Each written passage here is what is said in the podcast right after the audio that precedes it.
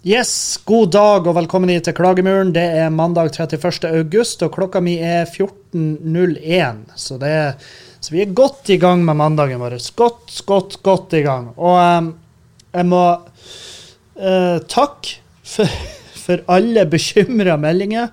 Uh, veldig mange har trodd at jeg var død. Uh, jeg har fått i hvert fall fem meldinger hvor folk spurte har du lagt ned podkasten. Og det, det, har jeg ikke. Jeg har på ingen måte lagt ned podkasten. Har ingen planer om det i umiddelbar fremtid. Um, men, uh, men uh, jeg hadde meg ei friuke, og det var Grunnen til at den friuka ikke ble varsla om på forhånd, var fordi at det var ikke planlagt at det skulle bli sånn. Um, det var um, Uh, vi, skal, vi, skal, prate masse om hvorfor jeg har hatt meg i friuka. Masse, masse. Og det er ikke fordi jeg har slettet meg ut, eller noe sånt. Jeg har bare rett og slett ikke fått uh, tida til å strekke til. Uh, for forrige uka, den Det travle med forrige uka begynte egentlig uka før. Fordi at jeg har jo prata om det her med at jeg, bak garasjen vår så har vi Så har det vært Altså, garasjen han, han er, den er sprengt ut. Det er sprengt ut i fjell eh, for å få plass til garasjen på tomta vår. Eh, og når den er bygd opp av, eh, av en av de forrige eierne, så har de ikke fylt åt garasjen på baksida. Eh, der er lagt, eh, det var lagt noe sånn her eh, halvveis Det var lagt noe halvveis drenering der, og så var det lagt masse fettskit oppå, masse søppel, masse stein. ikke sant? Um, men det var ikke fylt helt åt, så det var på en måte en sånn her, det var et sånn juv imellom garasjen og veien til naboene over oss. Og, og, det vil si at det var litt fjell, men det var også masse jord som bare hengte over der. Og en av naboene uttrykte uh, veldig kort tid etter vi kjøpte huset, så uttrykte han en Selvfølgelig, selvfølgelig en, en, en, kjempeskepsis til at juvet ikke var fylt att. Fordi at det kan jo enn altså I ytterste konsekvens så raser veien til naboene ut i garasjen min. Sant? Sånn at det, det kan faktisk, det kunne faktisk ha vært så dramatisk at veien har rast ut, og garasjen hadde kollapsa. Det er i ytterste konsekvens. Og det, la oss være ærlige, uh, alle skjønner jo at hmm, det vil jo kunne betegnes som svært uheldig hvis garasjen til Kevin kollapser, uh, og i tillegg naboene sin Eh, til, altså tilgangen til tomta til naboene det hadde kollapsa i lag med. Det, for det hadde blitt min feil som eier av huset. Uh, så det hadde blitt 100 min feil. Og jeg begynte jo i fjor, når vi tok over huset, så begynte jeg i fjor å uh, jobbe med det her bak garasjen der. Um, og hadde arbeidet før vært gjort sånn som jeg ønska det skulle vært gjort, så hadde det vært bare å fylle att men jeg hadde et arbeid med at det, det var ikke isolert på utsida. Du skal gjerne isolere utsida som fylles åt med masse. Det skal du gjerne isolere eh, for å unngå Ja, for å få Hvis du skal ha oppvarma inne der og skal unngå vanninntrenging og, eller sånn her, hva det heter, kondens osv. Så, videre, og så, videre.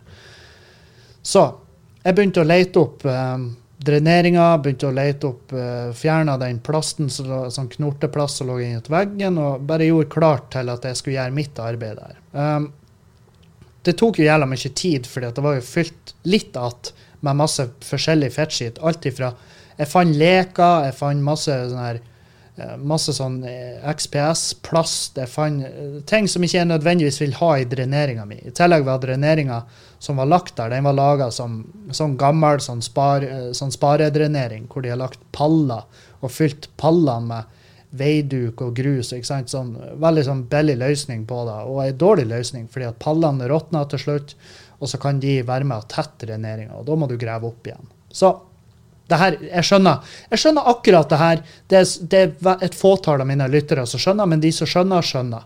Um, så jeg har fjernet, jeg har jobba masse med å fjerne alt, og så kom snøen i fjor, og da bare klarte jeg ikke å jobbe der bake lenger. Så tok jeg opp eh, tråden eh, i år, og jeg så, jeg kan være ærlig og si at jeg så at eh, massene til veien hadde flytta litt på seg. Det hadde det. Så det vil si at det var faktisk en kjempegod avgjørelse å fylle att der. Snarest mulig. Sånn at ikke naboene kommer inn med en Subaru Forester rett inn gjennom veggen på garasjen min. Sånn at jeg plutselig ikke bare har garasjen fette full med garderobemann-dritt, men også en Forester med en dritsint nabo i. For det, det, er vel kanskje det eneste som kunne vært verre enn å bare ha garasjen full av garderobemann-drit det er også å ha en nabo der inne som har ikke, ikke engang blanda følelser for situasjonen. De er forbanna over situasjonen, med god jævla grunn. Så jeg tok opp tråden igjen på da uh, med en kompis som er en veldig god kompis. Uh, faktisk, jeg tror jeg skylder han oss jeg, jeg faktisk skylder han å gå ned på kne og suge han. Så glad jeg er i han akkurat nå. Men han er maskinfører i Bodø, så han hjalp meg. Jeg tok opp tråden med han bare du, skal vi få gjort det her? Og han bare ja, ja, det kan vi gjøre. Vi har en maskin veldig nært det nabolaget ditt, så jeg kan bare kjøre en kveld, og så hjelper jeg det. Um, jeg bare ja, høres strålende ut, hold meg oppdatert. Og så, så på torsdag uka før så var han sånn Jeg kan komme i morgen. Og jeg bare hæ, i morgen? Han bare ja, bare bestill masse, så kommer jeg i morgen. Jeg bare ja, men jeg er ikke klar for å ta imot hjelp ennå, for jeg må jo fikse resten av dreneringa. Så da fikk jo jeg et helvetes hastverk plutselig, ikke sant? med å få klart alt sånn at vi kunne fylle igjen uh, der. Og jeg klarte jo ikke Jeg var i mål med det på, altså på mandag. Og på mandag kveld kom han uh, med maskin. Og jeg hadde fått tak i masser og alt det her. Og han hjalp meg da utover til natta, drev vi på og fylte opp bak garasjen. Og det ble fette bra. Det ble dritbest i hele verden. Um, men det er jo klart uh, det, Og det, det, var litt arbeid på tirsdag, litt arbeid på onsdag. ikke sant? Så, det, så forsvant uka mi. Hun bare tok, tok reinfart. Og så var det litt arbeid på puben her òg. Vi hadde flere dager der det var mye folk, og det er jo dritgod stemning. Men det er jo klart Så, så sjøl om jeg uh, Hvordan skal man si det? Sjøl om jeg uh, ja, jeg hadde travert i de, og det er klart, da er det veldig fort at uh, det, er veldig, altså det er veldig vanskelig for meg å si til han vet du hva, vi kan ikke gjøre det her nå, jeg må spille en podkast. Det, det blir litt sånn når jeg har muligheten til å spare så mye penger med at jeg har en kompis som hjelper meg, i stedet for å leie inn eh, maskiner og folk til å styre dem. Det er fette dyrt. Og det er fette dyrt fra før av, for stein det er ikke billig. Eh, hvem hadde trodd at, at det å få Eh, få en del av jorda som er en bor på, at det koster penger. Ja, selvfølgelig koster det penger. Alt du tar i, alt du ser på med øynene dine, det koster fette mye penger. Til og med stein. Det er dritdyrt. Stein er faen meg det, det, er så fette dyrt. Fordi at hvis, og det her er sånn pissarbeid. Jeg hater drenering og alt det driten her. fordi at for det første er det veldig krevende arbeid. Jeg har vært dritsliten. De få timene jeg har hatt eh, ledig, har jeg jo sovet og eh, vært knekt. Og Julianne har hatt vondt i seg å se på meg. Hun fikk vondt i kroppen av å se på meg, hvor jævla knekt og sliten jeg var etter det arbeidet der. Og, og så er det sånn arbeid du gjør. Det, du kan gjøre det så nøye og så fint du bare vil, men ingen vil noensinne se hvor bra det blir. Fordi det er jo hele meninga med drenering. Det skal ikke vises. Det er borte. Sant? Så det er ingen som vet hvor flink jeg har vært der nede. Folk må bare ta meg på ordet når jeg sier det. Jeg bare, oh, fy faen, dreneringa her er fette bra. Og så sier de ja, det håper jeg. Virkelig, det håper jeg virkelig for din del. Sant? Sånn er det med drenering. Det er pissarbeid, og du vil aldri få nok skryt for det arbeidet du har gjort. Så, men nå er det noe gjort, så jeg slipper å bekymre meg noe mer for det. Uh, og det er klart, vi kunne ikke fylle åt hele der, fordi at uh, bak garasjen er der en bod, om du vil. En bod laga med presenningvegger, sant? og, og, det syns jo jeg selvfølgelig er massiv drit. Så jeg, må, jeg skal støype der og skal mure opp, sånn at vi kan fylle åt 100% rundt garasjen der. Da blir det fette bra. Og jeg gleder meg til å få det gjort. Men leker. Altså murstein. Det er, til og med da er fette dyrt. Alt, alt er dyrt. Alt er dritdyrt. Jeg regna på pris sånn ordinærpriser for å få stein nok til å fikse alt det der. Det er rundt 40 000. Stein og støypemasse og alt det som trengs for å få gjort det. Det er rundt 40 000. Så det er selvfølgelig investering. Og alt det her er ting vi må uh, gjøre før eller siden. Men nå er det som haster mest, det er gjort. Sånn at vi kan i hvert fall hvile litt. Um, og så, ikke sant, så, så kom um, Så begynte vi å Ferdig på onsdag, ikke sant. Og da er det jo plutselig Plutselig er det jo RDK-festivalen. Skal til Oslo og gjøre standup på festival. Og prisutdeling. Jeg var nominert til uh, Stå opp-prisen. Uh, og um, det var vel Det var jeg, Marlene Stavrum, Jørnis Josef, Halvor Johansson og Jonny K var nominert. Og og så Den prisutdelinga var på torsdag, så jeg og Julianne vi reiste nedover til Oslo på torsdag og var på den prisutdelinga. Jeg var um, Vi var ganske dritings. Ganske fucked up. Uh, og det var jo spandabelt som faen der, i hvert fall for de nominerte. Det bare, det bare ran øl ned i halsen på oss. Og, og uh, Halvor vant den prisen. Halvor Johansson, gratulerer, Halvor. Um, jeg tok Og det er sånn jeg, var ikke bitter. Han er en svært verdig vinner. Han har gjort, gjort hadde et enormt 2019. Og, um, og, så var jeg i en uh, kategori Altså, jeg var i uh, Jeg var nominert i lag med masse folk som jeg egentlig kunne lett ha tatt med seg den prisen hjem, og jeg hadde ikke blitt bitter uansett. Jeg, og så prøver jeg å tenke hadde jeg blitt glad hvis jeg hadde vunnet. Ja, det hadde jeg helt sikkert blitt. Eh, det er jo artig å få oppmerksomhet. Det er jo derfor vi gjør standup. Så så jeg, kan, jeg, jeg, skal ikke være han fyren som bare Jeg gir nå fullstendig faen om jeg vinner. Jeg har lyst, jeg sa det flere ganger. Jeg gir fullstendig faen om jeg vinner. Og, um, og det står jeg også for. At jeg, jeg gir fullstendig faen om jeg vinner. Men det hadde vært hyggelig å vinne. Det tror jeg. Uh, det tror jeg jeg kan med hånda på hjertet si at det, ja, det hadde vært hyggelig å vinne, men det var ikke noe sånn her Det var ikke noe bad feelings der. Og, og det var ei fin, eh, fin, utdeling og alt. Det var bra folk på scenen. Og, og eh, festivalen ble sparka i gang verdig. Verdig.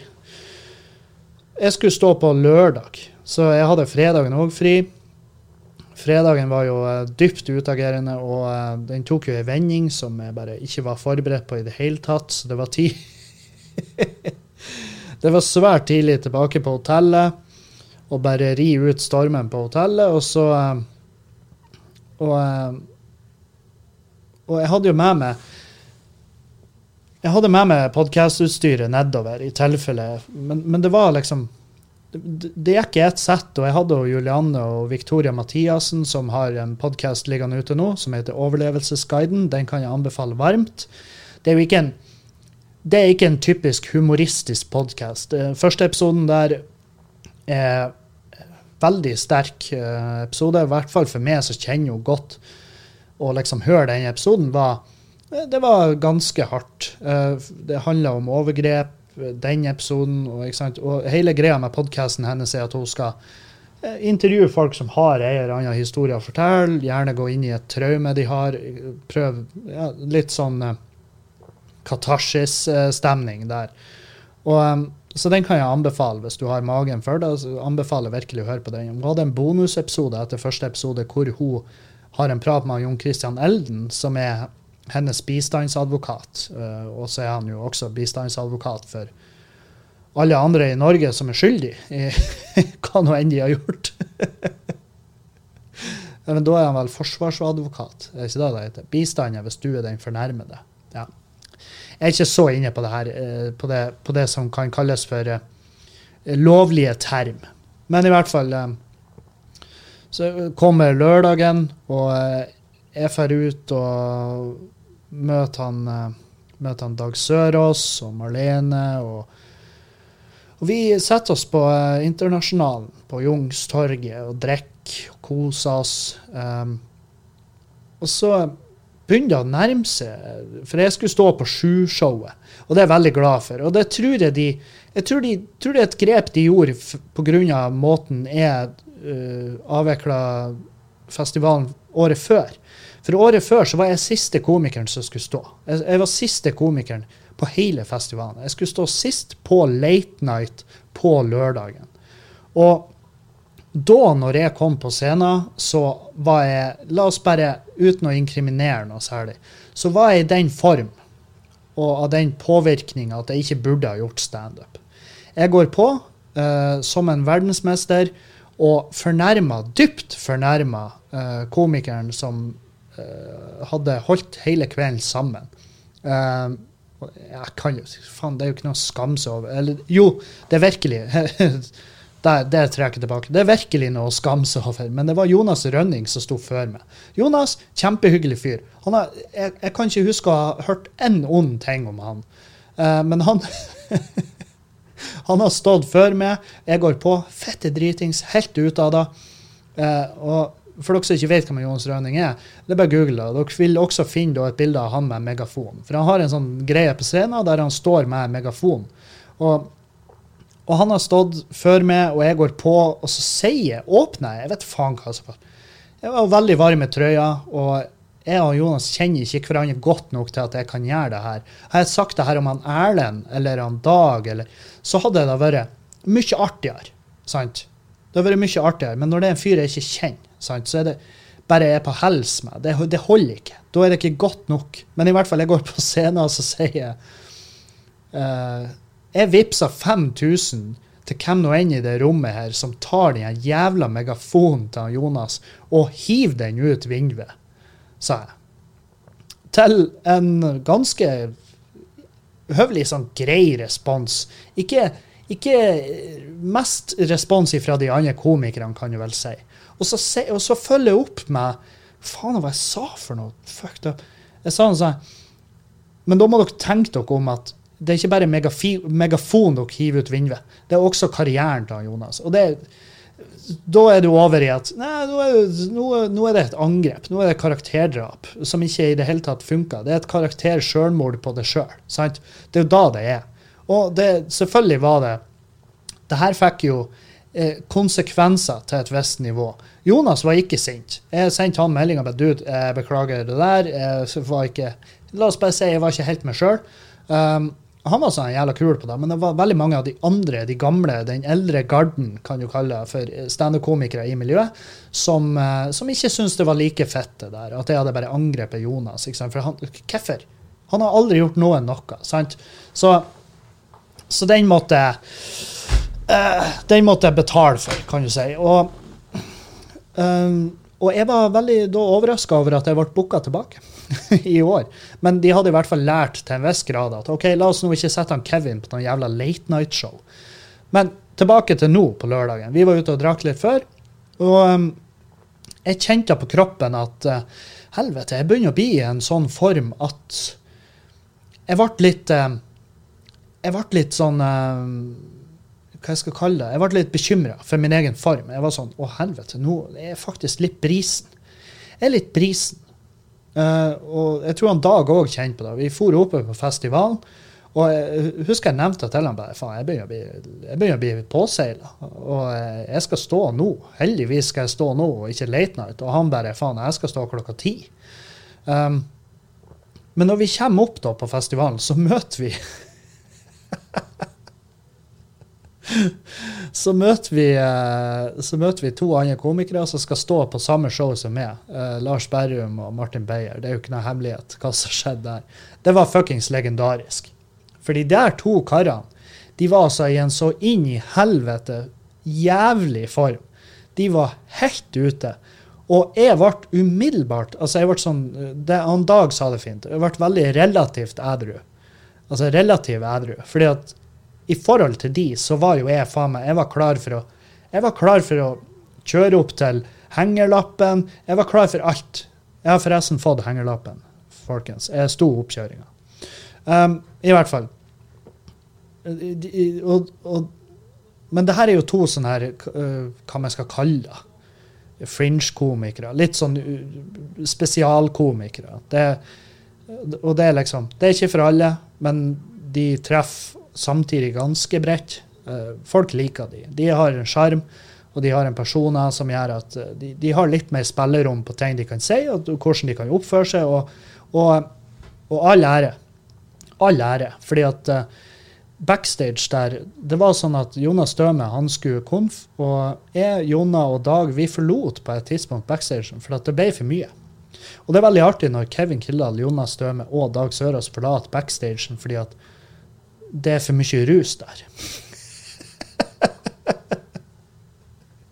Så det var fette god stemning. Altså, hei, jeg kosa meg vilt. Og, eh, og eh, jeg gikk på scenen, gjorde mitt sett, det gikk bra. Jeg gikk av. Eh, så var det jo i gang med Lars, og Lars gjorde det Altså, han klarte seg veldig bra, og han gikk jo bare på og adresserte umiddelbart at hei, jeg er svært dritings. Um, til publikums store glede. Og, og det gikk det, han, gjorde, han, gjorde, det veldig bra, uh, spør du meg. Jeg koser meg i hvert fall glugg i hjel i det settet. Masse sprell, han var nede i publikum. og um, Nei, det var, det var, bare veldig bra. Og så kommer Martin Beyer på. Han var jo hakket mer dritings. Og uh, gjorde det også helt, helt fint. Uh, han sto litt lenge, kan du vel si. Men, uh, men det, var bare, det, var bare, en opplevelse. Det var en helt nydelig opplevelse. Jeg var så glad jeg fikk lov å være med på det. Og, og de guttene der, faen, jeg, nei, jeg digger de. Jeg gjør det. og de ble jo hevet ut senere, per, per alkoholloven, ikke sant. Men det er jo da det er. De her festivalene, det er det som er greia med det. at Drar du på de, så vil du få se litt sånne forskjellige ting. Du vil få se komikere som du gjerne har sett på TV, og du vil få se de gjerne i en sånn form at du tenker 'helvete, jeg er glad jeg var der'. Fordi det er jo det folk sier etter et sånn her type show. Jeg så det var skrevet om det på Jodel. Um, og ikke sant, folk var sånn Faen, jeg skulle ønske jeg var der. Ja, det skulle du. Du skulle virkelig ønske du var der. Og folk er sånn, ble det filma? Nei, gud bedre. Selvfølgelig ble det ikke filma. Vi er jo ikke fette idiot. Sant? Så skal du oppleve de her tingene, så må du på festivalene for å se det. For festivalene er jo Ja, det er masse standup på kort tid. Nydelig for publikum, men festivalene de er like mye for komikerne, spør du meg. For oss er det jo det er jo sånn, Du samler jo bare masse likesinnede på liten plass med uhorvelige mengder alkohol. Selvfølgelig vil det være, eh, vil det være tilfeller av folk som sklir helt fullstendig ut. Det er kjempeartig, og det er en nydelig opplevelse. Jeg kan anbefale det til absolutt alle som liker humor. Um, og mens vi var Jeg og fruen og Victoria vi bodde jo på uh, The Hub som er jo jeg, jeg, tenkte skal jeg ha meg og Juliane, skal vi flotte oss. Så vi var på The Hub, og uh, vi var i bassenget ene dagen. Det var helt nydelig å bare gå ned, sette seg i badstua, være i bassenget. Og sånn relax-avdeling. Nydelig å bare ligge og slappe av og duppe. Men det var jo ikke 100 relax. for vi var jo ikke alene der. Det er jo ikke sånn at vi hadde en for oss sjøl. Det var et annet gjeng der. og en av dem, Han var en sånn partygutt. Utvilsomt en skikkelig partygutt. Og ja, han, tok, han, tok seg mye til nesen i løpet av uh, turen der nede. Og det kan jo ofte være et tegn på at ja, den nesen er trafikkert, hvis dere skjønner. Han nyter av og til en liten nesepils. Det var, ei, det var et inntrykk jeg fikk. Og jeg har ingen, ingen bakgrunn for å si det, egentlig. Jeg har ingen beviser, jeg har ingenting. Jeg bare fikk det, jeg bare fikk det inntrykket. Og de de relaxa ikke der. De bomba i bassenget, og de bare lå og hoia og styra og hadde, var på fest. De hadde med seg to Imsdal-flasker, ei med rødvin og ei med hvitvin. Jeg fikk smake av de, jeg elska de. Men så kom jeg med en sånn dokkingstasjon og bare «Eh, 'Er det greit om jeg spiller litt musikk, eller?' Og jeg bare 'Ja, ja, spill musikk'. Og han spiller jo ikke bare musikk. det Relax-avdelinga på The Hub ble jo plutselig om til eh, Grabberne Grus. sant? Det var, uh, det var kjente, kjære folkelåter med 180-240 BPM og heftige basslinjer. Det var plutselig et diskotek der inne. Og Relax var ikke lenger med i beskrivelsen av hva det var vi gjorde der nede. Så vi avslutta litt tidligere, stakk. Det, sånn var det. På lørdagen så var det jo Sian-demonstrasjon, sant? Eh, og det var jo rett bort for hotellet, så vi fikk jo med oss masse av det her halloiet som foregikk. Eh, og det var halloi utenfor hotellet. Det var masse politibiler. Det var eh, folk som for og sprang. Jeg så folk som gnidde seg til øynene fordi at de har fått tåregass i fjeset. Det, det, var, det tok, jo, tok jo fullstendig overtenning der. Og det her er minus med å, ha ei uke ferie fra podkasten. For det, det, er veldig vanskelig å legge ut noe og snakke om det uten å høres ut som at jeg har bare blåkopiert mange av de andre som har prata om det. Men uh, jeg har fått spørsmål om det, så derfor så kan jeg så kan jeg i hvert fall svare på hva jeg syns om det. Jeg syns at, uh, jeg, at er team uh, ytringsfrihet. Og veldig mange skjønner ikke helt hva det, hva det går ut på. Folk er sånn Ja, men de driver med hatefulle ytringer. Og det er sånn Hatefulle ytringer er Det er en veldig Altså, det er en skal mye til for at det du sier, er en hatefull ytring. Og, og uh, hatefulle ytringer beskytter enkeltpersoner. Sant? Det beskytter enkeltpersoner, ikke religioner, land. Uh, det ligger en video ute hvor en uh, Hvis du går inn på Dag Sørås i Facebook-sida, så har han lagt ut en video hvor en politiadvokat forteller hva som er hva her. Og Ytringsfriheten tillater at vi fyrer på Koranen, den tillater at vi fyrer på Bibelen, den tillater at vi fyrer på det amerikanske flagget. Det sier han ordrett i den videoen. Um, og jeg er på ingen måte, på ingen måte, og det vet dere, jeg er på ingen måte på lag med Sian.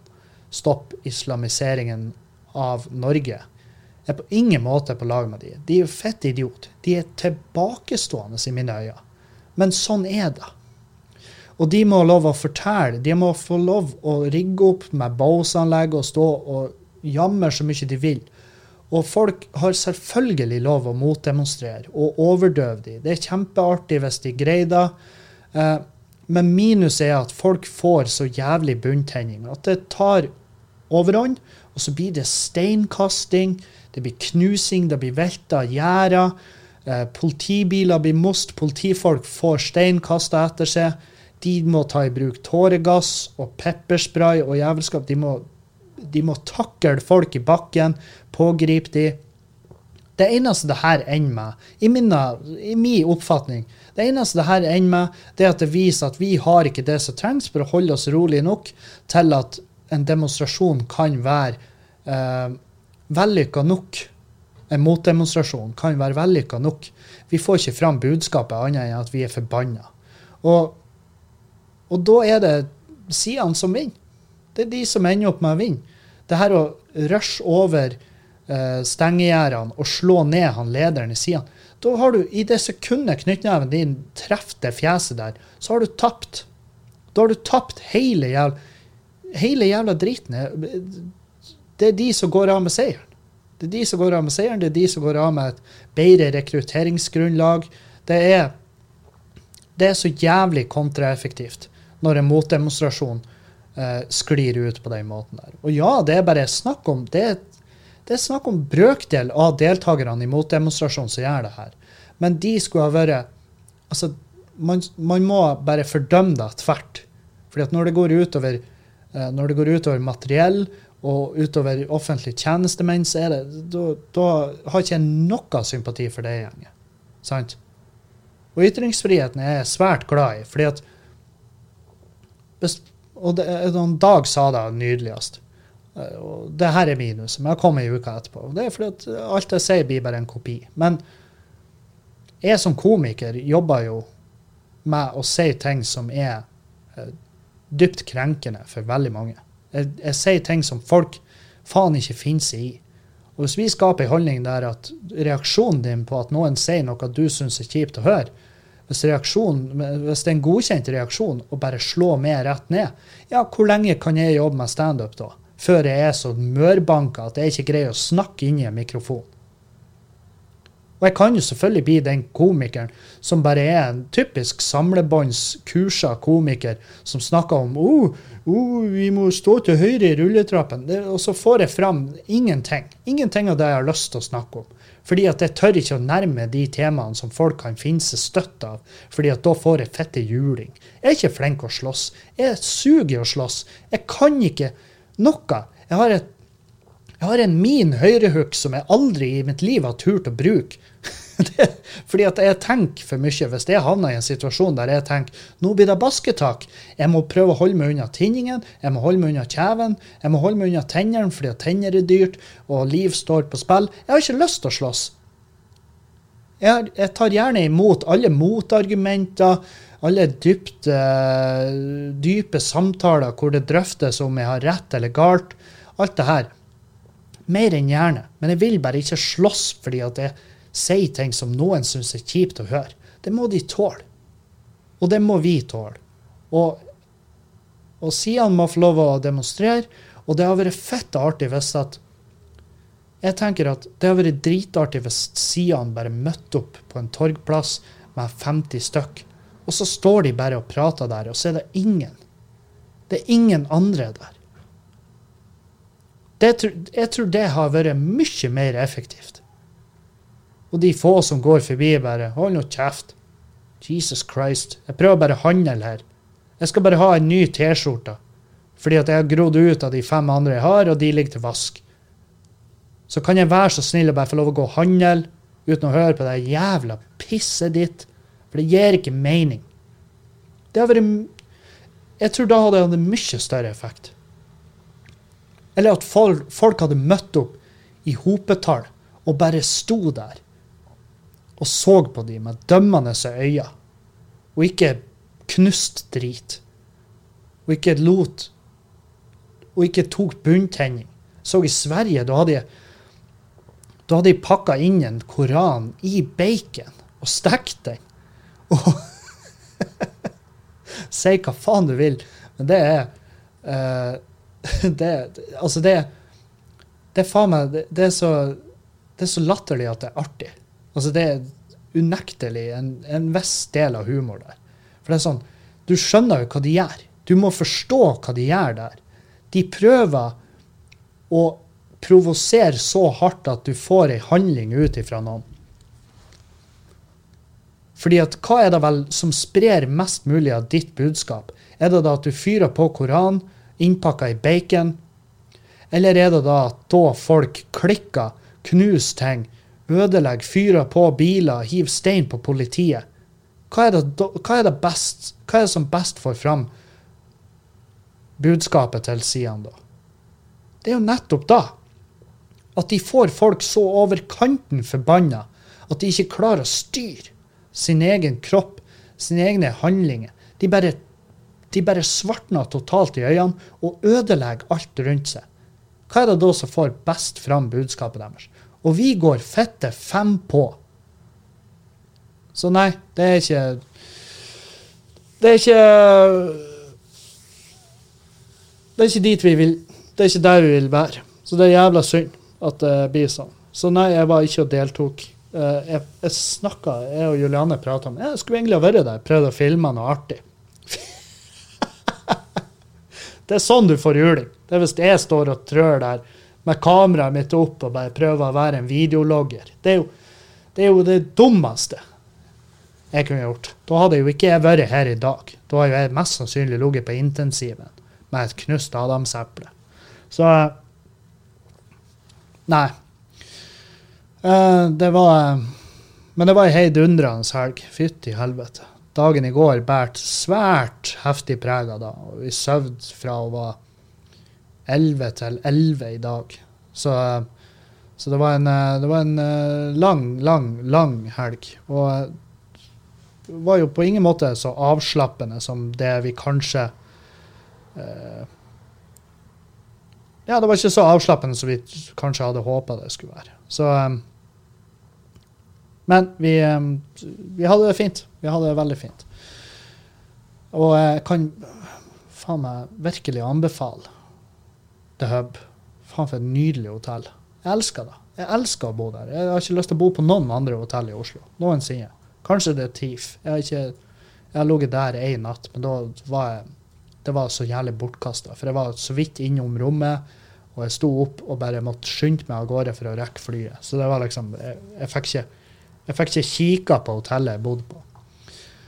Um, nei, så det var, det var grunnen til at, uh, til at det ikke ble noen episode. Men det er veldig artig at folk Meldingen har gått ut på Har du lagt ned podkasten? Og så gikk de ut på Har du hatt tilbakefall? Er du Så det er jo enten-eller. Men uh, av og til så er det bare for travelt. Og det, jeg håper at det skal løsne gradvis, og jeg, ja, jeg, håper virkelig da, og at jeg skal få en viss struktur på hverdagene. I dag så drikker jeg kun shakes for å prøve å ta, ta igjen det tapte. Uh, jeg tror jeg skal gå tilbake i ren sånn shake-kur, for nå begynner det å bli stramt i noen av de T-skjortene mine. Og det gidder jeg ikke. Jeg gidder ikke å gå opp igjen noe særlig. Jeg har gått opp litt, selvfølgelig, i koronatida. Det er veldig få som har kommet i bedre form i koronatida, men jeg har gått uh, opp, og jeg vil ned igjen. For jeg skal, skal ikke, skal ikke bli en, en feit, ekkel fyr igjen. Det gidder jeg ikke. Og det er sånn, ja, jeg sier det. Jeg er feit, ekkel fyr. For det er da jeg var. Jeg var ikke noe annet enn da. Og uh, slutt å fatshame. Jeg fatshamer meg sjøl så mye som jeg bare vil. For det er min jævla kropp.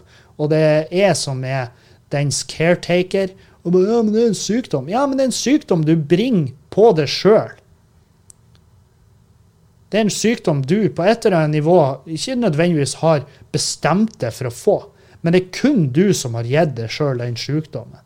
Eller hvis du har den fra barndommen, at foreldrene dine har bare gitt så fullstendig faen i ungen sin helse at de bare har mata deg med fettskitt fra du ble født, og så blir du en feit baby. Og da selvfølgelig kjempedumt, og jeg syns at det skal kunne straffes. Det må da kunne gå for å være en eller annen en form for mishandling eller neglisjering av helsa til ditt eget barn. Og, eh, og det er sånn, Jeg prata om det på scenen òg, at det, vi skal ikke ha skryt for at vi går ned i vekt. For det, det, er et grep du gjør for å overleve. Samme som å legge handa med et hardt press mot et ekstremt heftig blødende sår. Skal vi ha skryt for ja, du er flink å stoppe blødninga di. Ja, selvfølgelig er det, for jeg vil jo leve. Det er jo litt det samme med å gå ned i vekt. Flink du er å gå ned i Ja, for jeg vil ikke dø i morgen. Jeg vil ikke ligge og hive etter pusten min og svime etter sex. Sånn har jeg, jeg har gjort da, faktisk. Jeg har svimt av etter å ha hatt sex. Ikke av hvor jævla bra den sexen var, men hvor ekstremt utmatta jeg har vært. Fordi at formen er så dårlig. Skal man da Jeg, jeg velger å fettshame meg sjøl for, for, den oppførselen jeg hatt overfor min egen kropp. Og um, Nei, så prøve å få kontroll på det jævla livet igjen. Prøve å komme i bevegelse. Jeg har gått litt turer sånn i siste, og nå, jeg, nå, føler jeg at jeg har lyst til å komme til det punktet der jeg begynner å kanskje gå litt fortere, type jogge litt turer. Og, um, og, på sikt kanskje til og med begynne å løfte litt vekter, for å få tonene i kroppen litt. Jeg har lyst til å se bra ut. Jeg har lyst til at det skal være Eh, jeg har lyst til at det skal være sånn at Juliane gleder seg til å komme hjem fra jobb for å se meg naken. Ikke at hun kommer hjem fra jobb, jeg ligger naken på sofaen, og hun bare ja, 'Der var du, ja.' Ja ja, er, ja, ja. Nei, nå uh, Nå skal jeg spise mat, ikke fordi jeg har lyst, men fordi at jeg må. Uh, for den matlysta, den var der før jeg kom hjem. Det, jeg sier ikke at det er sånn det er, men, men uh, jeg vil i hvert fall ikke at det skal være sånn. Så så det å få litt kontroll på det her. Og jeg vet at, eh, jeg vet at sånn rent statistisk så har jeg veldig mange overvektige lyttere. Um, som sikkert syns det er kjipt at jeg snakker sånn om det, men det er altså, kall det for det det er. Det er, det er kun oss sjøl. Det er veldig få som har en sykdom som gjør, at, som, som gjør at de er nødt til å være feite. For det er veldig få som har det. Det er veldig få som har det. Jeg, jeg sier ikke at det ikke fins, for jeg vet ikke. Men hvis det fins, ja, det er utrolig kjipt å høre. Men de aller fleste er sånn pga. den måten De disponerer sin egen kropp, sin egen tid. Det er da det går ut på mesteparten av tida. Så vet dere da. Det er i hvert fall min mening, og gjerne utfordre meg på den. Um, nei, så um, Faen, vi, har, vi viser jo fotball her på puben, og jeg har jo jævlig lyst til å vise ikke Glimt eh, driver på og Det skal bli kort om fotball, men eh, Glimt eh, driver på å kvalifisere seg til Europaligaen. Og det er jo Avisa Nordland som har funnet ut, som har rettighetene til å vise de kampene. Så tenkte jeg ja, Avisa Nordland, det er jo fette rått. Dritbra. Så jeg kontakta Avisa Nordland sånn at vi kunne få lov å vise kampene her på puben. Og du sinnssyke satan for en pris. Du helvetes guri. For en satans pris. For å vise en jævla kvalikkamp mot Kauno Salgiris, som er et lag ingen har hørt om. Spillerne på Kaunos Algiris er usikre på hva laget heter. De bare å, 'Jeg trodde vi bare møttes nede på Løkka og spiller fotball av og til'. Nei, nei. Vi, plutselig skal vi til Bodø og spille mot andre lag som ingen i det landet har hørt om. De spiller en kamp mot de. Avisa Nordland skal ha 5000 kroner for å la oss vise én jævla kamp. Det er faktisk nesten 2000 mer enn hva vi bruker på én måned for å vise hele forpurte tippeligaen hos oss. Så inn i helvete for en pris. Og jeg sa da bare Hva i svarte satan er det her? Ja, nei, det er det vi er blitt enige om. Blitt enige med hvem? Hvem er det dere har diskutert priser med? Det her er jo det sjukeste jeg har hørt. Ja, ja, nei, take it or leave it. Ja, men da blir det jo åpenbart leave it. Fordi at vi har jævlig lyst til å vise kampene. Vi har sinnssykt mye Glimt-fans her som kommer og ser kampene hos oss. Men de bruker ikke den type penger at vi gidder å slå puben konkurs for å vise de kampene. Vi har jo lyst til, å, få det til å gå rundt. Det er vårt mål. Få det til å gå rundt. Og deretter kan vi begynne å tenke inntjening. Men, å, men når det koster like mye som å drifte et lite u-land og vise en jævla kamp Helvete heller. Da var jeg så jævlig sint når jeg hørte det. Og det er sånn Ja, skal jeg være sint på Avisa Nordland? Det kan jeg jo være så mye jeg vil, men det vil jo ikke, vil jo ikke funke. Og de er jo businessfolk. De har jo ei avis de skal få til å gå rundt. Og da har de tydeligvis valgt å bruke de jævla Glimt-kampene til å få den avisa til å gå rundt. Dæven, hvor sint jeg var. Jeg var argforbanna. Og prøvde å legge ut en sånn interessetest. Bare for å se får vi nok folk til å kunne forsvare og betale den monstrøse jævla summen for å vise den forpulte kampen. Nei, det fikk vi ikke. Min, uh, min jævla Hva det heter Min antagelse var riktig.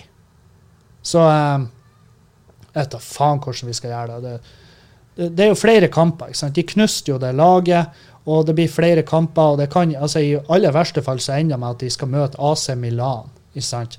Med Zlatan Ibrahimovic.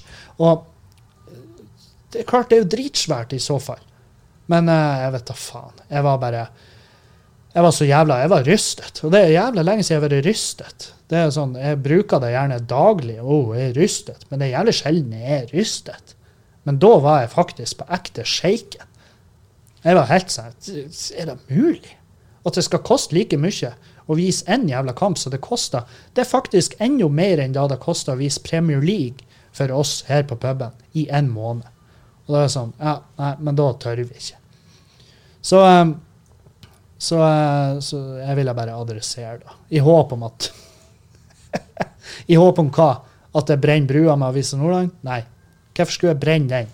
Og er det ei bru der? Det, det, har i verste fall vært et lite sånn klatretau. Um, men ja, nei, jeg skulle bare ønske vi kunne vise det. Skulle bare ønske det. Det er det eneste jeg har lyst til. Uh, oh. Så så en sak at uh, Musk har laga Elon Musk, hele verdens uh, nydeligste gærning. Han har laga en mikro... Han har laga en datachip for jern. Uh, som de skal bruke for å kurere Alzheimers, demens uh, Ja, så her type Gjerne motoriske sånn sykdommer i hjernen. Og jeg tenker, jeg, konspirasjonsteoretikeren i meg gikk jo rett i Ja, det òg at du lager deg en hær. en hær med 70 år gamle sinte mennesker som du kan kontrollere akkurat sånn som du vil. Det, det er det er en uh, skummel utvikling. Jeg liker ikke det her han uh, Hva det heter Hva det er de kaller det? Uh, sånn her kroppshacking, eller Ja, det er vel det. Sånn, jeg så en, jeg så en dokumentar om folk som drev med sånn biologisk utbeiring av kroppen. De får seg chipper. det, det, det er jo veldig tidlig. Det er ekstremt tidlig. Uh, det er sånn at noen av de setter inn sånne eh, RFID-chipper, sånn at de kan åpne ytterdøra si. Og det er sånn Ja, ja OK. og så kaller de seg en android fordi at de har gjort det. Og det er jo et helt miljø i hele verden. Men der er en fyr, han hadde sittet i sånn dum jævla antenne på hodet sitt. Den, den er festa bak bakhodet, så går den opp over hodet. Og den har Eh, den antenna har ei fotocelle som ser hvilken farge han har foran seg. For han er to to totalt fargeblind, han fyren. Så den ser hvilken farge det er han har foran seg, og så spiller den av lyder i hodet hans. Som da forteller han hvilken farge ting er. Og jeg var sånn Har du så jævla bruk for den? Hva, hva skal du med den? Men han har den jo. Det er jo litt seint å si at det her var en fette dårlig idé. Han har jo antenner spikra inn i skallen sin. Men det er jo skremmende hvis vi Hvor er det her om 50 år? Hva har vi gjort med kroppene våre? Det er jo selvfølgelig ja, litt skremmende, men det er jo også jævlig spennende. Hvor i faen skal det her ta veien? Så eh, Men jeg håper ikke at uh, Nå vet ikke jeg, Men jeg har jo et inntrykk av Musk. men det inntrykket er jo mest sannsynlig feil. Men han virker som en kul dude. Men det vet vi jo ikke. Det kan jo hende han er et forferdelig menneske med helt sinnssyke planer for hva, hva han skal gjøre med verden. Og da tenker jeg at eh, vi burde jo gi faen i å sette inn en masse en masse uh, datachipper i fjeset til folk. Eh, um, ja. Ugh. En annen sak som virkelig traff meg, det var uh, Hør på det her. Andreas ble dømt for øksedrap. Nå har han levert doktorgrad om tiden bak murene. Dette handler da om en fyr som heter Andreas Ribe Nyhus, uh, som satt inne. Han fikk uh, eh, 21 år. 21 år i fengsel, og han sona i 10 år. Og jeg, jeg har aldri, jeg aldri satt meg helt inn i den fengselsårgreiene, men eh, jeg syns det, det, er jævlig dum ordning. Kan ikke, kan ikke bare si da ja, du er dømt til 21 år. Da skal du sitte i 21 år i fengsel. Ja, du 21 år med mulighet for uh, permisjon etter tid. Ja, det er greit. Men et fengselsår er ikke ett år. Og det syns jeg er fette dumt. Kan de ikke bare gjøre det? Skal vi ser fengselsår. Ni måneder. Ni måneder er et fengselsår. Hvorfor er det da? Uh, det korrekte svaret er at ett år i fengsel er tolv måneder, med mulighet for løslatelse etter åtte måneder ved god oppførsel. Um, og det syns jeg er drit. Jeg syns det skal være litt, litt, enklere for folk å forstå. Men uansett, Andreas Ribe Nyhus her. Han drepte en fyr med øks. Og så satt han inne i ti år. Eh, og han har skrevet da en doktoravhandling om tida hans eh, bak muren. ikke sant? Og han diskuterer fengselets påvirkning på den prosessen han hadde. Eh, for at han har skrevet og forska på alt fra drapshandlinger til å ta inn over seg at han har drept noen. Um, og avhandlingen handler om at jeg har sittet over ni år i fengsel for drap. Den er på en måte forskning på erfaringen av å være i fengsel. Jeg går ganske dypt inn i spørsmålet om hva fengsel gjør med deg. Og den har tittelen 'Indre og ytre soning'. Og, um, og, da diskuterer han hvordan han mener at norske fengsel forhindrer forsoning. Um, og den Selvfølgelig det her Altså, den avhandlinga reiser jo en del etiske spørsmål om den skal bli godkjent. sant? Um, fordi at han har jo drept et menneske. Det mennesket fins ikke lenger fordi at han drepte han med ei øks. Og så var jeg sånn jeg var sånn, Ja, jeg, jeg skjønner. Han har drept, uh, han drept eksmannen, altså barnefaren til samboeren. Barnefaren til samboeren sine barn, altså eksmannen til samboeren sin. Han drepte han fyren. Og da var jeg sånn, ja, OK, det har jo Det har jo mest sannsynlig skjedd noe der. Så jeg, jeg gikk inn i sak Jeg var sånn her Han drepte meg med øks. Han kjørte liket til Sverige og gravla han i snøen der. Så ble liket funnet etter fire dager. sant? Og, og han har erklært skyld, og han uh, har sona med Ikke med glede, men han gikk gjerne i fengsel og alt det her. Jeg var sånn Hva er det som hva er det som uh, har skjedd? Jeg vil vite mer om saken, så jeg søkte opp. Og jeg fant ut at han fyren, han eksmannen til kjerringa, han hadde invitert seg hjem til dem og skulle da ha en lang prat med hun kjerringa. Da var han her uh, Nyhus han hadde gått opp på rommet for å unngå, for å unngå en konflikt. Han har vært på rommet mens at eksdama og eksmannen altså kjerringa og eksmannen satt nede i stua og prata og drakk vin.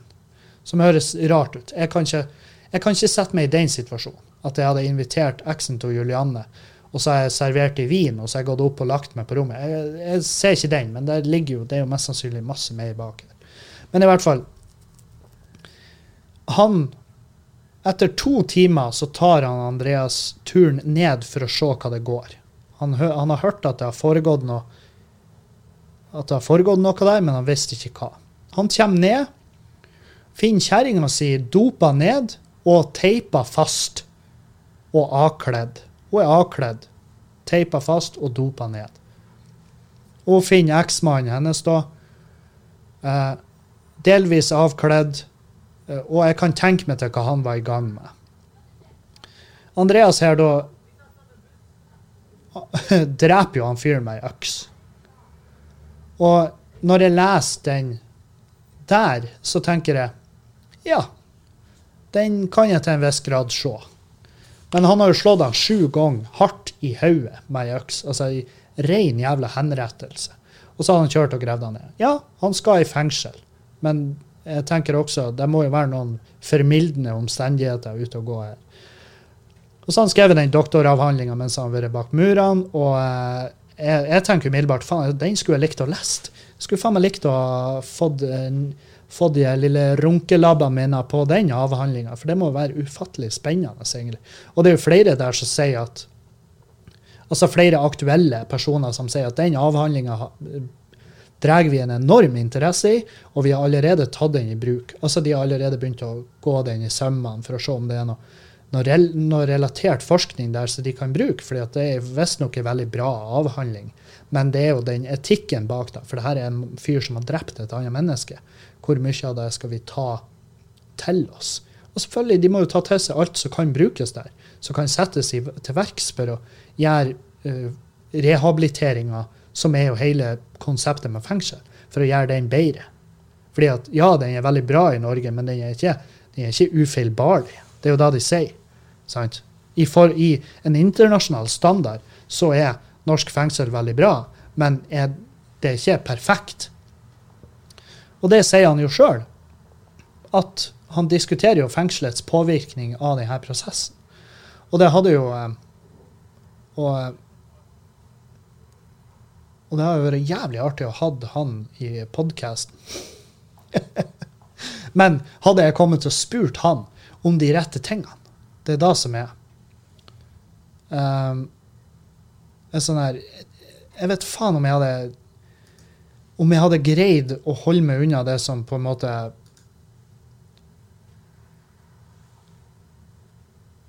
Så, så jeg var sånn her Nei, jeg vet faen. Jeg, jeg tenker sånn Hadde jeg greid å hadde jeg greid å holdt fokuset der det burde ligge.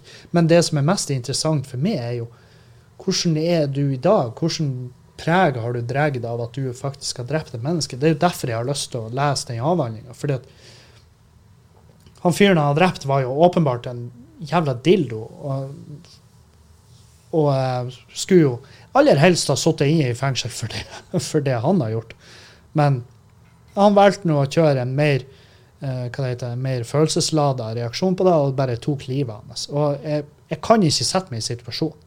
Jeg prøver selvfølgelig så godt som jeg kan å se for meg Enn hvis det her har vært meg og Julianne, og jeg har kommet inn i rommet og sett da han så Hvordan hadde jeg reagert? Jeg vet ikke.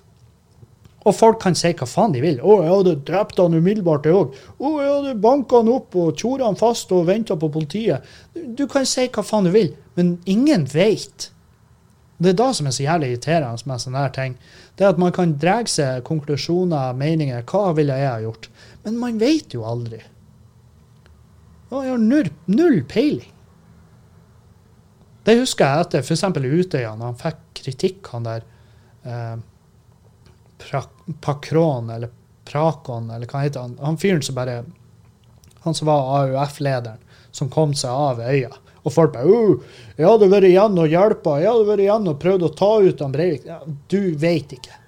Du sitter du sitter utafor på en sånn klappstol utafor spikerteltet ditt, din jævla kødd, med ei flaske pokal i handa di, og synser om hva du ville ha gjort hvis du var der.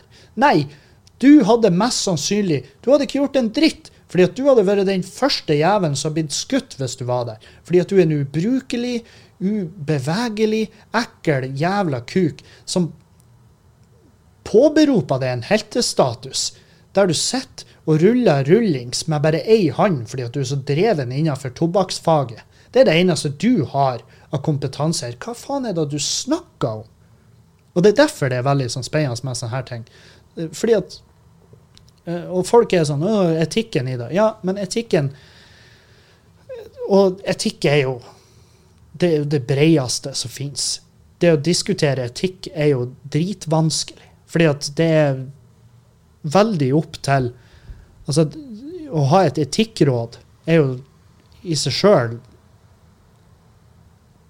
til en viss grad problematisk, for det er jo bare eh, det er, jo, det er jo veldig opp til individet å avgjøre hva som er etisk riktig eller ikke. Det er jo sånn som når jeg prater om uh, Og, eh, og her, er, her, er, grunnen til at jeg tar det opp.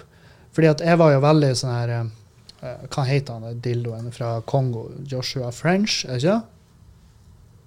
Jo, French.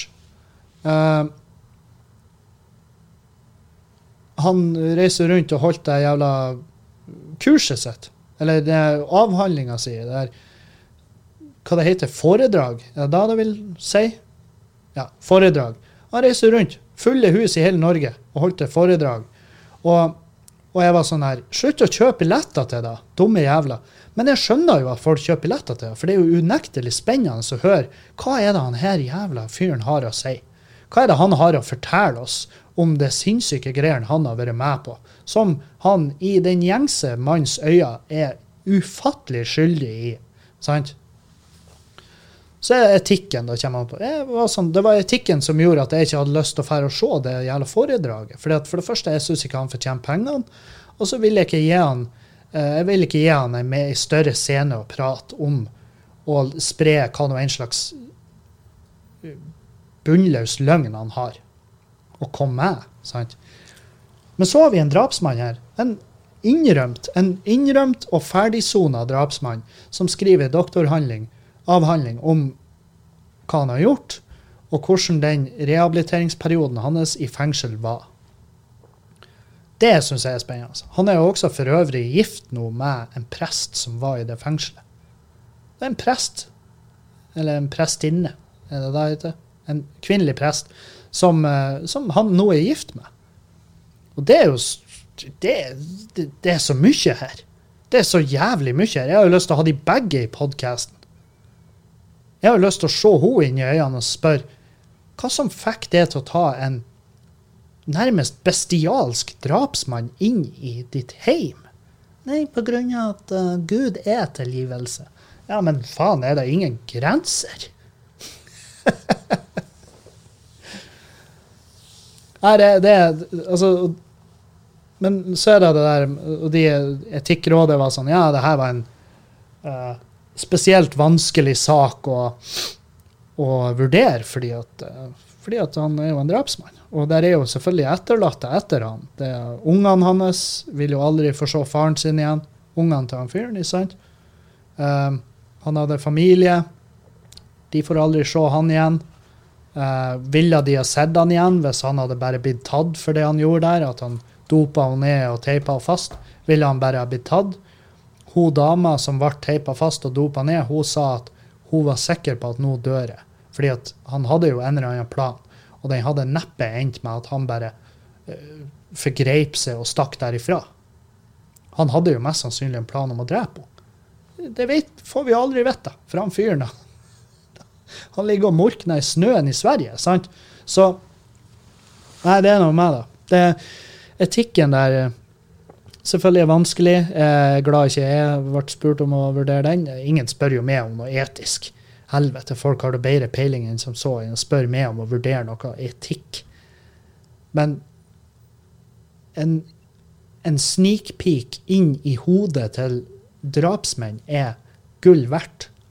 Mindhunter-serien på Netflix. Det er bare, det er bare en det er ikke bare en fette bra serie, men det er også en jævlig fin serie for å forstå hvorfor det er så jævlig spennende å kunne, å kunne komme i prat med den type mennesker som har gjort sinnssyke ting. Nå skal ikke jeg ikke sammenligne Ribe her med Jeg skal ikke sammenligne med ja, Jeffrey Dahmer og sant, de her sinnssyke seriemordere. Men det er noe med Det, det er veldig verdifull info og eh, erfaring de sitter inne med.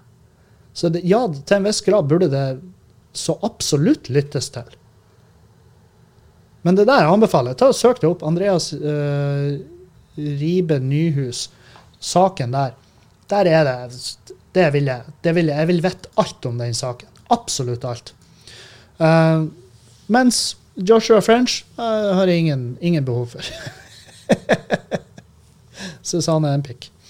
Um, skal vi se. Da skal jeg runde av for dagen så skal jeg begynne å gjøre klar puben for åpning. Um, og så vil jeg si takk for alle meldinger. Jeg er ikke, jeg er ikke ute og kjører. Jeg har ikke hatt tilbakefall i hva, hva det betyr. Um, jeg har det helt bra. Hadde bare ei helvetes travel uke forrige uke. Sånn er det. Uh, men jeg er fortsatt glad i dere, og vi høres igjen eh, ganske snart. Jeg jobber med å få litt gjester og sånn. Jeg har kjøpt meg en konto på StreamYard, sånn at jeg kan, sånn at jeg kan ha podcaster med folk som ikke er til stede, på en enklere måte. Så med, på, den, uh, på den noten avslutter jeg og så sier jeg tusen hjertelig takk til alle mine patrients. Det er dere som gjør det mulig for meg å holde på med det her. Og det er dere som gjør det, uh, gjør det at jeg tar det såpass seriøst. For det er faktisk Podkastinga er, er, en jobb, det òg. Og det er dere som uh, har berga meg gjennom den tida her. Jeg elsker dere. Fortsett med det. Og jeg lover at jeg jobber med å få ut så masse content som mulig på Patrion, og det blir mer av det fremover. Og det er deres feil, og det er dere jeg skal takke for det. Tusen hjertelig takk. Adjø. Takk for meg. Ha ei fin uke videre. Vi høres igjen.